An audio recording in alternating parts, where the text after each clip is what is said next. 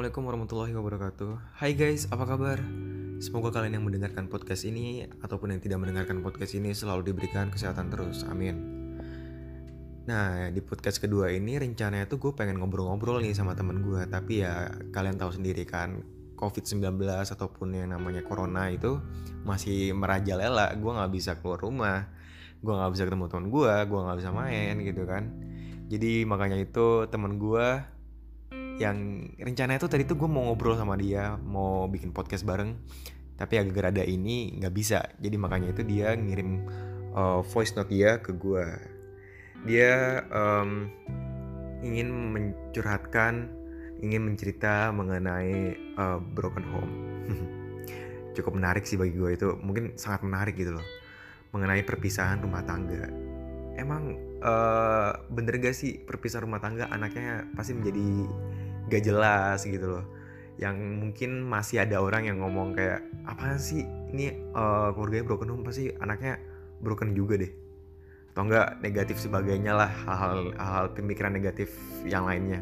Biasanya kan ada tuh orang-orang kayak gitu karena gue pernah denger aja ya kayak ada anaknya nakal gitu kan. Terus kayak ini pasti orang tuanya broken home nih. Ada yang gitu tuh biasanya kan. Nah makanya itu uh, temen gue pengen curhat mengenai hal seperti itu hal yang dialami. Jadi ya udah makanya dia tuh mengirim pesan ke gue ngirim voice note-nya dia gue dan buat kalian informasi aja identitas nama yang orang yang ngirim voice note ke gue temen gue ini gak bisa gue kasih tahu. Jadi ini rahasia dia hanya menyumbangkan suaranya aja. Daripada gue ngebaca terus mendingan kalian langsung dengerin aja oke? okay? Oke, hai semuanya. Gimana kabar dan keadaan kalian saat ini? Semoga tetap sehat dan tetap dalam lindungan Allah Subhanahu wa taala ya. Amin, amin, amin ya rabbal alamin. Oh ya, seperti apa yang udah Kak Gemma sampaikan tadi, di sini gue hanya menyumbangkan cerita dan suara gue. Gue nggak membuka mengenai identitas gue. Is okay kan? Oke, ini pertama kalinya dalam hidup gue gue bercerita dan cerita gue diperdengarkan sama orang banyak mengenai hidup gue dari apa yang gue alamin sampai apa yang gue lakuin selama ini. Di sini gue mau berbagi cerita ke kalian tentang suka dukanya jadi anak yang dibesarkan dengan satu bapak atau sebutannya sebagai single parents. Mungkin banyak di antara kita yang orang tuanya tuh suka ribut, tapi tetap mempertahankan hubungan rumah tangganya dan kalian tetap tinggal dalam satu rumah yang tidak kids friendly. Karena uh, setiap harinya kalian setiap waktunya juga nontonin, nyaksiin orang tua kalian ribut. Bahkan mungkin ada yang tinggal dengan salah satu ibu atau bapak, tapi kalian tetap senang-senang aja, happy-happy aja gitu. Atau kalian tidak satu rumah dengan kedua orang tua kalian, Kalian memisahkan diri mencari suasana baru, ketenangan baru, kebahagiaan baru, dan hal baru lainnya. It's okay. Itu semua pilihan kalian.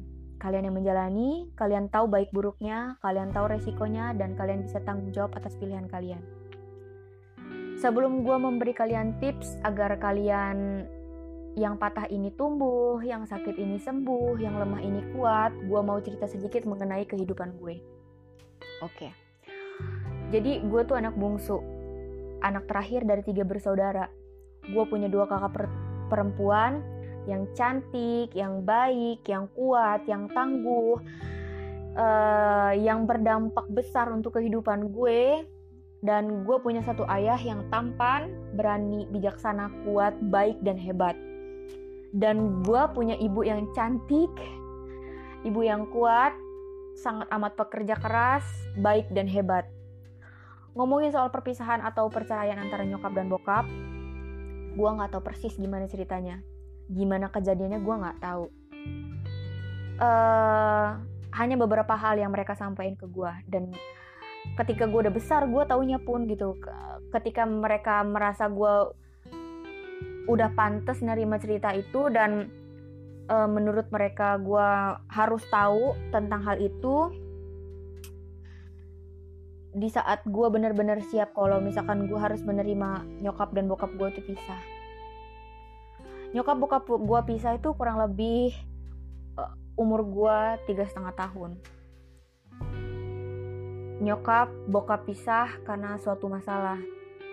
Tapi kebayang nggak sih kalau gue udah ngerti pada saat itu sedihnya kayak apa dan gimana hancurnya hati gue pada saat itu di umur uh, sebalita itu yang seharusnya gue mendapatkan kasih sayang dan perhatian lebih dari kedua orang tua gue tapi gue udah ada di posisi yang bener-bener gak ngenakin banget.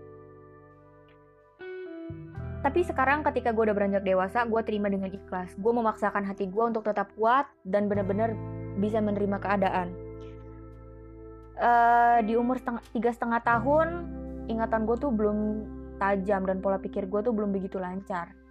Singkat cerita Ketika nyokap dan bokap gue pisah, gue dan kedua kakak gue dirawat dan dibesarkan oleh bokap. Dan nyokap pergi ke luar negeri kerja jadi TKW atau TKI. Gue, bokap, dan kedua kakak gue tinggal di salah satu kampung yang terbilang cukup rawan. Dan benar, eh, eh, beberapa tahun tinggal di kampung tersebut, keluarga gue terkena musibah dan korbannya kakak pertama gue yang kena lus uh, yang kena tusukan atau ditujah pakai garpu. Kedalaman lukanya tuh 15 jahitan kurang lebih 15 atau 16 gitu gue lupa. Bokap gue shock banget bokap panik bokap telepon kakaknya uh, bokap lemes di situ. Nggak lama dari kejadian karena pusat kota sama perkampungan itu gak jauh kakak beradik bokap gue ini datang sama polisi. Bokap bilang, kita pindah.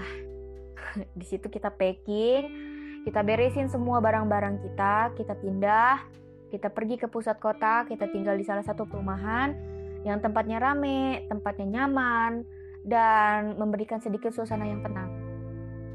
Yang cukup tenang maksud gue. ya, seperti itulah. Dan ya, pada akhirnya, this a new life This is Star Life untuk gue, bokap, dan kedua kakak gue. Kedua kakak gue lanjut sekolah di tempat yang baru, teman baru, suasana baru, dan hal baru lainnya. Dan gue pertama kalinya sekolah. Sekolah kelas 1 SD di dekat rumah gue. Seneng banget cuy sekolah. Karena gue harus pakai seragam yang sama dengan teman-teman yang lainnya gue punya banyak temen pada saat itu. Gue nggak main sendirian gue nulis tulis ya pokoknya bahagia gitu. Beberapa tahun gue tinggal di perumahan tersebut ada beberapa tetangga yang suka usil dan jahil dengan keluarga gue mereka tuh selalu pengen tahu dengan cerita hidup gue uh, tentang keadaan yang ada di keluarga gue kayak pengen tahu gitu kayak repot banget sih hidup lo Oke, singkat cerita, masa kelas 1 SD gue tuh berlalu. Gue nggak inget banget tuh dulu ada, gue inget banget dulu tuh ada pembagian rapot. Dan bokap gue ambilin rapot. Sepulang dari ambil rapot di sekolah, bokap gue tuh kasih gue hadiah karena nilai gue di beberapa mata pelajaran itu bagus-bagus. Balik ke rumah, salin pakaian, terus main ke gardu di dekat rumah gue karena di perumahan itu kayak ada gardu atau pos tempat uh, satpam atau security lainnya tuh jaga-jaga gitu. Karena itu siang kan nggak ada yang jaga tuh. Um, gue salin kan. Gue main ke situ. Di situ tuh ada ibu-ibu ada teman-teman gue yang nota terus di situ tuh ada ibu-ibu yang notabene tuh tetangga gue gitu. Kan pada kumpul di situ tuh semuanya. Dan gue dipanggil untuk ikut gabung. Eh sini gitu. Gue datang ke mereka dan mereka tuh lagi ngobrol-ngobrol. Terus ada satu ibu-ibu yang nanya tadi tadi yang ngambil rapot siapa? Nilai yang merah ada berapa? Gitu. Uh, terus dengan polos dan lugu gue jawab papa bagus-bagus kok nilainya. Ini tadi dikasih hadiah sama papa karena nilainya bagus. Dan semua pada senyum dan bilang gue hebat. Tapi gue nggak butuh. Bukan sombong cuman ya gue nggak butuh itu gitu. Dan ada satu lagi ibu-ibu yang nyeletuk nanyain pertanyaan yang seharusnya nggak dilontarin di depan orang rame. Dan nanyanya juga bukan ke gue gitu. Ngerti gak kayak dia tuh kepo nah nganggep gue tuh polos. Gua, uh, dia berharap lebih kalau gue bakal ceritain tentang hidup gue ke dia. Dan gue jawab semua pertanyaan dia gitu. Perihal tentang kehidupan gue salah satu pertanyaannya tuh seputar kenapa mama papanya pisah? Shock gak sih? Shock gak masih kelas 1 SD atau lo tuh bener-bener nggak tahu apa-apa gitu. Tapi lo udah ditanyain tentang masalah orang tua lo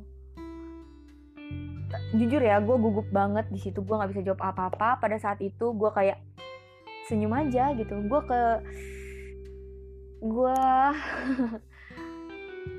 ya gue senyum aja gitu walaupun gue tahu mereka tuh maksa banget buat gue jawab pertanyaan konyol itu.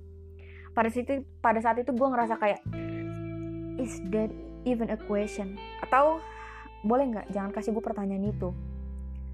Karena gue masih satu SD dan pure gue nggak tahu apa-apa perihal masalah ini.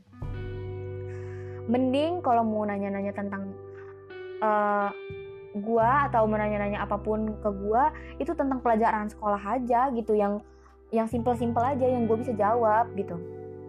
Singkat cerita gue naik kelas 2 SD minggu pertama gue jadi anak kelas 2 gue ngerasa banget dapet tantangan baru di pelajaran. Dan minggu kedua ternyata gue bukan cuma mendapatkan pelajaran bukan mendapatkan pelajaran yang menantang, tapi gue mendapatkan teman-teman baru yang membuat psikis gue terganggu. karena mereka membuli gue satu kelas, karena ada salah satu teman gue yang ibunya pernah nanyain perihal nyokap bokap gue, tapi gue nggak jawab. Terus akhirnya si anak ini membuli gue, gue dimusuhin satu kelas. Pada saat itu gue sedih banget, gue nggak mau sekolah lagi, gue nggak punya teman, gue nggak mau ketemu orang-orang, karena gue nganggap orang-orang tuh pada jahat sama gue gue sempet sakit dan gue yakin itu juga kayak jadi deba jadi beban buat bokap gue gue dikasih sedikit sedikit pengertian sama bokap dan akhirnya gue mau sekolah lagi. Dan bokap mikirin banget ini gitu. Bokap mikirin ini banget gitu untuk gue dan uh, bokap mempersiapkan diri dengan matang, bokap mikirin semua ini dengan matang gitu.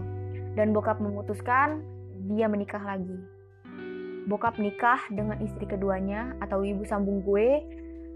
Uh, kalau nggak salah itu cukup waktu yang cukup lama mikirinnya gitu kan menurut gue.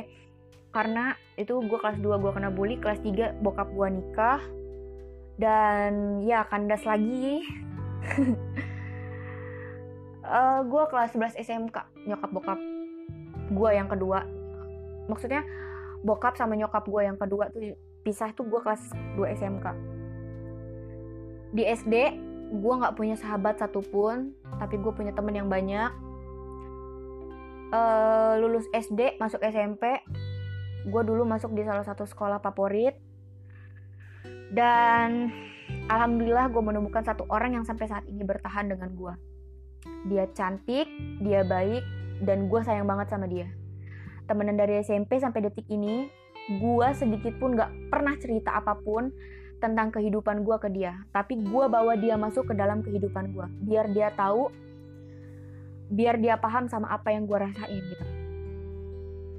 It's hard to talk about how difficult it is to be open to someone about being sad for no reason.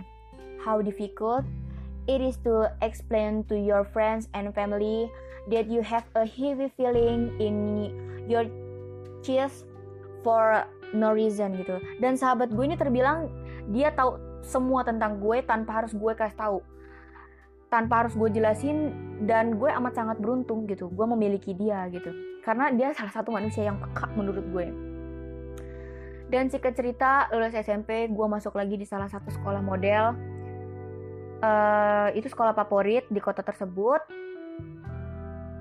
nama gue ada di urutan nomor 5 pada saat itu gue bangga banget sama diri gue gue bangga punya dua kakak yang rela tidur malam buat bantuin gue belajar uh, mempersiapkan tes gue masuk ke sekolahan tersebut terus gue bangga punya bokap yang selalu mengapresiasi berapapun hasil belajar gue mendukung gue, mensupport gue, mendidik gue sampai gue bener-bener gak ngerasa kekurangan bahkan kehilangan kasih sayang. Dan gue juga bener-bener bangga bangga banget punya nyokap yang um,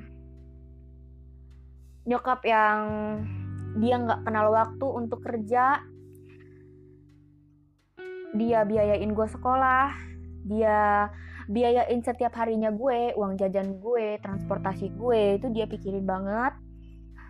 Terus berkat doa dan dukungan kedua orang tua gue support dari kedua kakak gue yang membuat gue merasa gue nggak kekurangan kasih sayang dari siapa pun.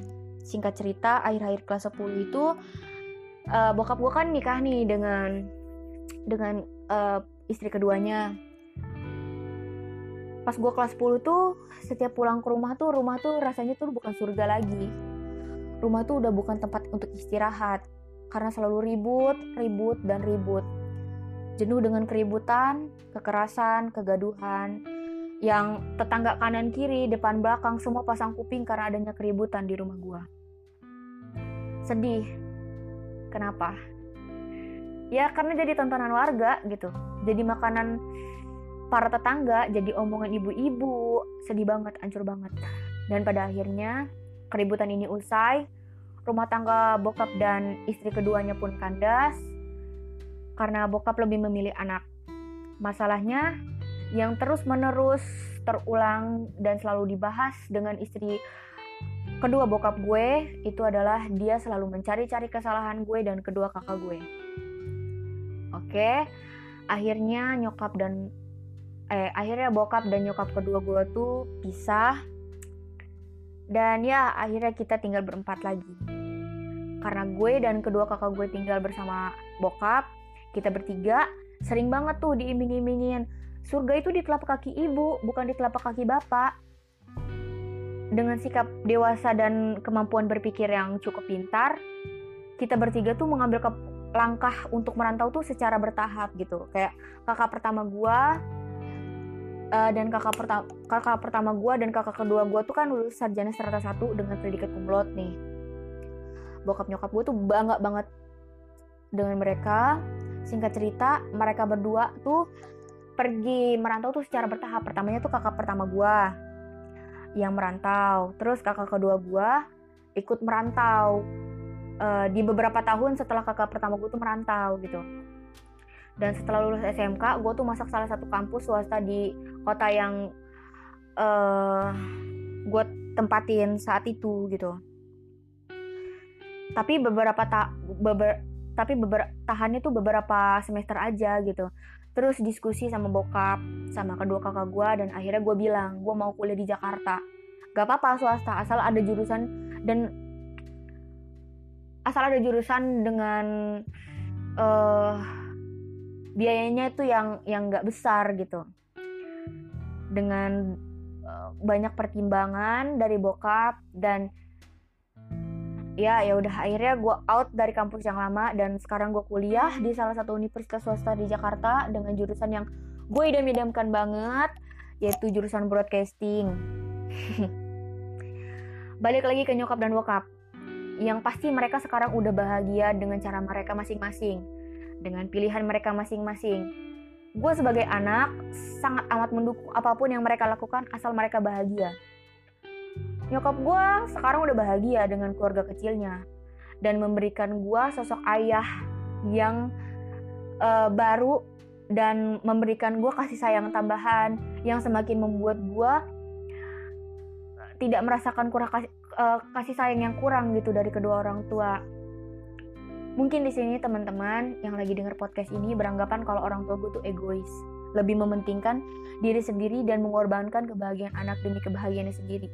Gini ya, manusia itu punya egonya masing-masing. Dan ya kalau orang tua gue mau pisah ya udah pisah aja gitu. Daripada gue harus tinggal di dalam rumah yang gak sehat lagi untuk gue, yang gak kids friendly lagi untuk gue dan kedua kakak gue. Karena menurut gue, sebelum mereka berpisah, mereka tuh pasti diskusi tentang hal ini gimana baiknya ke depannya gitu. Untuk mereka, untuk gua dan kedua kakak gua gitu. Ya walaupun harus anak yang jadi korban. Eh, karena mereka udah lebih besar dari gua, udah lebih gede daripada gua, mungkin gua nggak tahu masalahnya 100%. Dan ya yang harus gue lakuin yang harus uh, kedua kakak gue lakuin itu adalah ikhlas and just try the best not to get hard gitu melakukan sesuatu yang terbaik atau hal-hal baik tuh biar kita tuh nggak sakit nggak sakit hati lagi gitu. Untuk anak-anak yang ber, bernasib sama dengan gue gue cuma mau nitip pesan dari apa yang udah gue alamin kal kalian tenang kalian tenang. Karena perceraian itu yang usai cuma hubungan sebatas suami istri aja.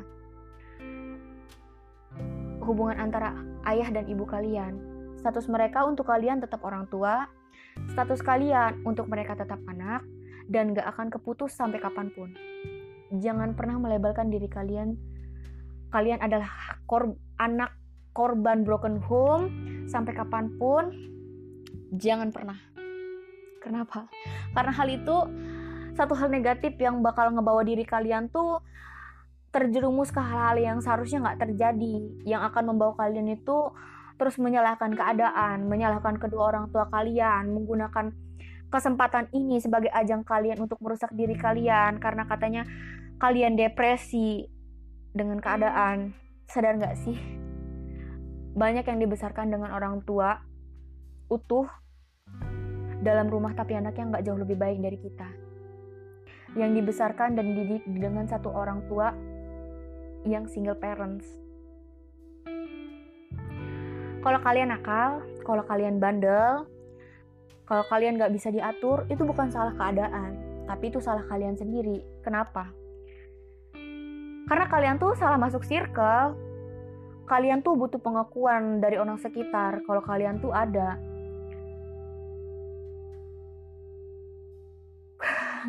gue rasa yang kayak gitu tuh gak perlu dilakuin.